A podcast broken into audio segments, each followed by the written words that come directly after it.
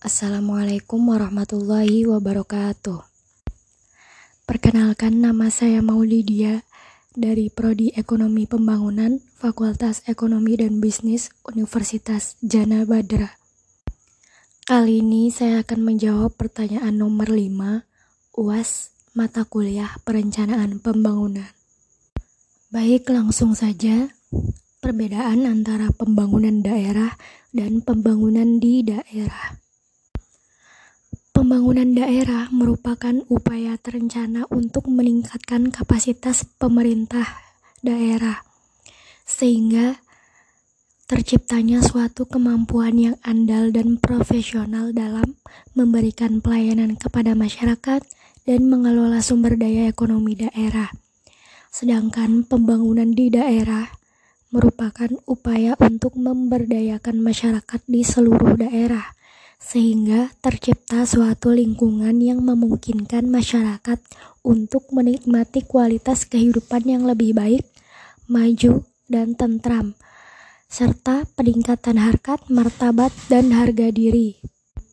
Pembangunan daerah biasanya cenderung pembangunannya itu merata, sedangkan pembangunan di daerah masih terjadi ketimpangan atau pembangunan yang tidak atau masih kurang merata.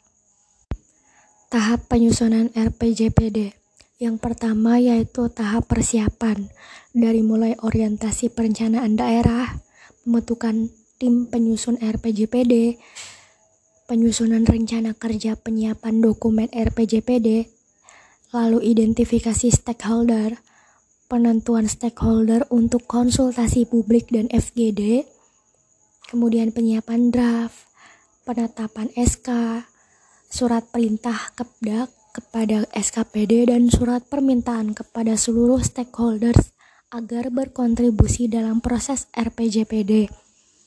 Kemudian sosialisasi bahwa daerah akan menyusun RPJPD dan perumusan metode dan panduan jaring aspirasi FGD dan musrenbang RPJPD. Selanjutnya, tahap yang kedua yaitu tahap penyusunan rancangan awal RPJP daerah.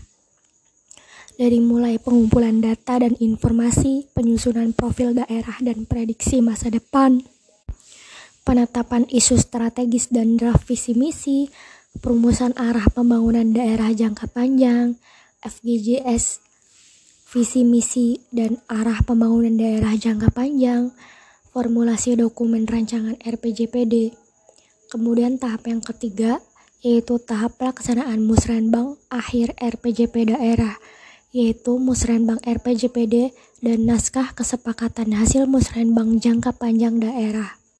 Yang keempat, tahap penyusunan rancangan akhir RPJP daerah yaitu penyusunan dokumen rancangan akhir RPJPD dan penyusunan naskah akademis rancangan Perda RPJPD. Kemudian yang kelima, tahap penetapan peraturan daerah tentang RPJP daerah.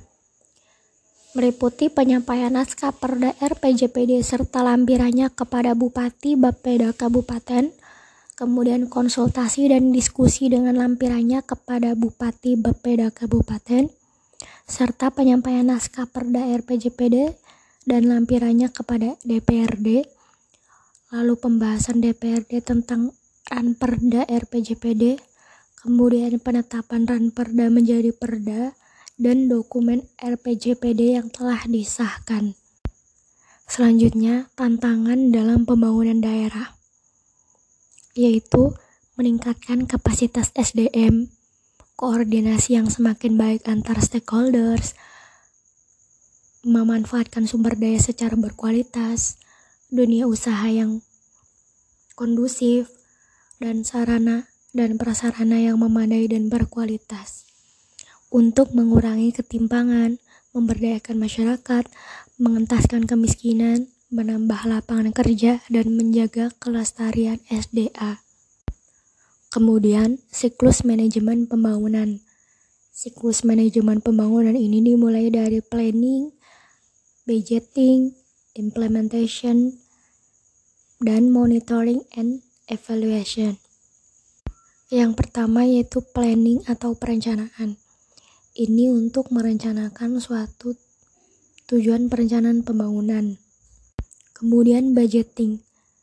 Ini untuk mengalokasi dana atau anggaran untuk menyesuaikan dengan apa yang akan dicapai. Kemudian implementasi, yaitu menjalankan kegiatan-kegiatan yang akan dicapai. Kemudian monitoring dan evaluation, yaitu untuk memonitor atau mengontrol dan mengevaluasi setiap kegiatan-kegiatan yang telah dilaksanakan.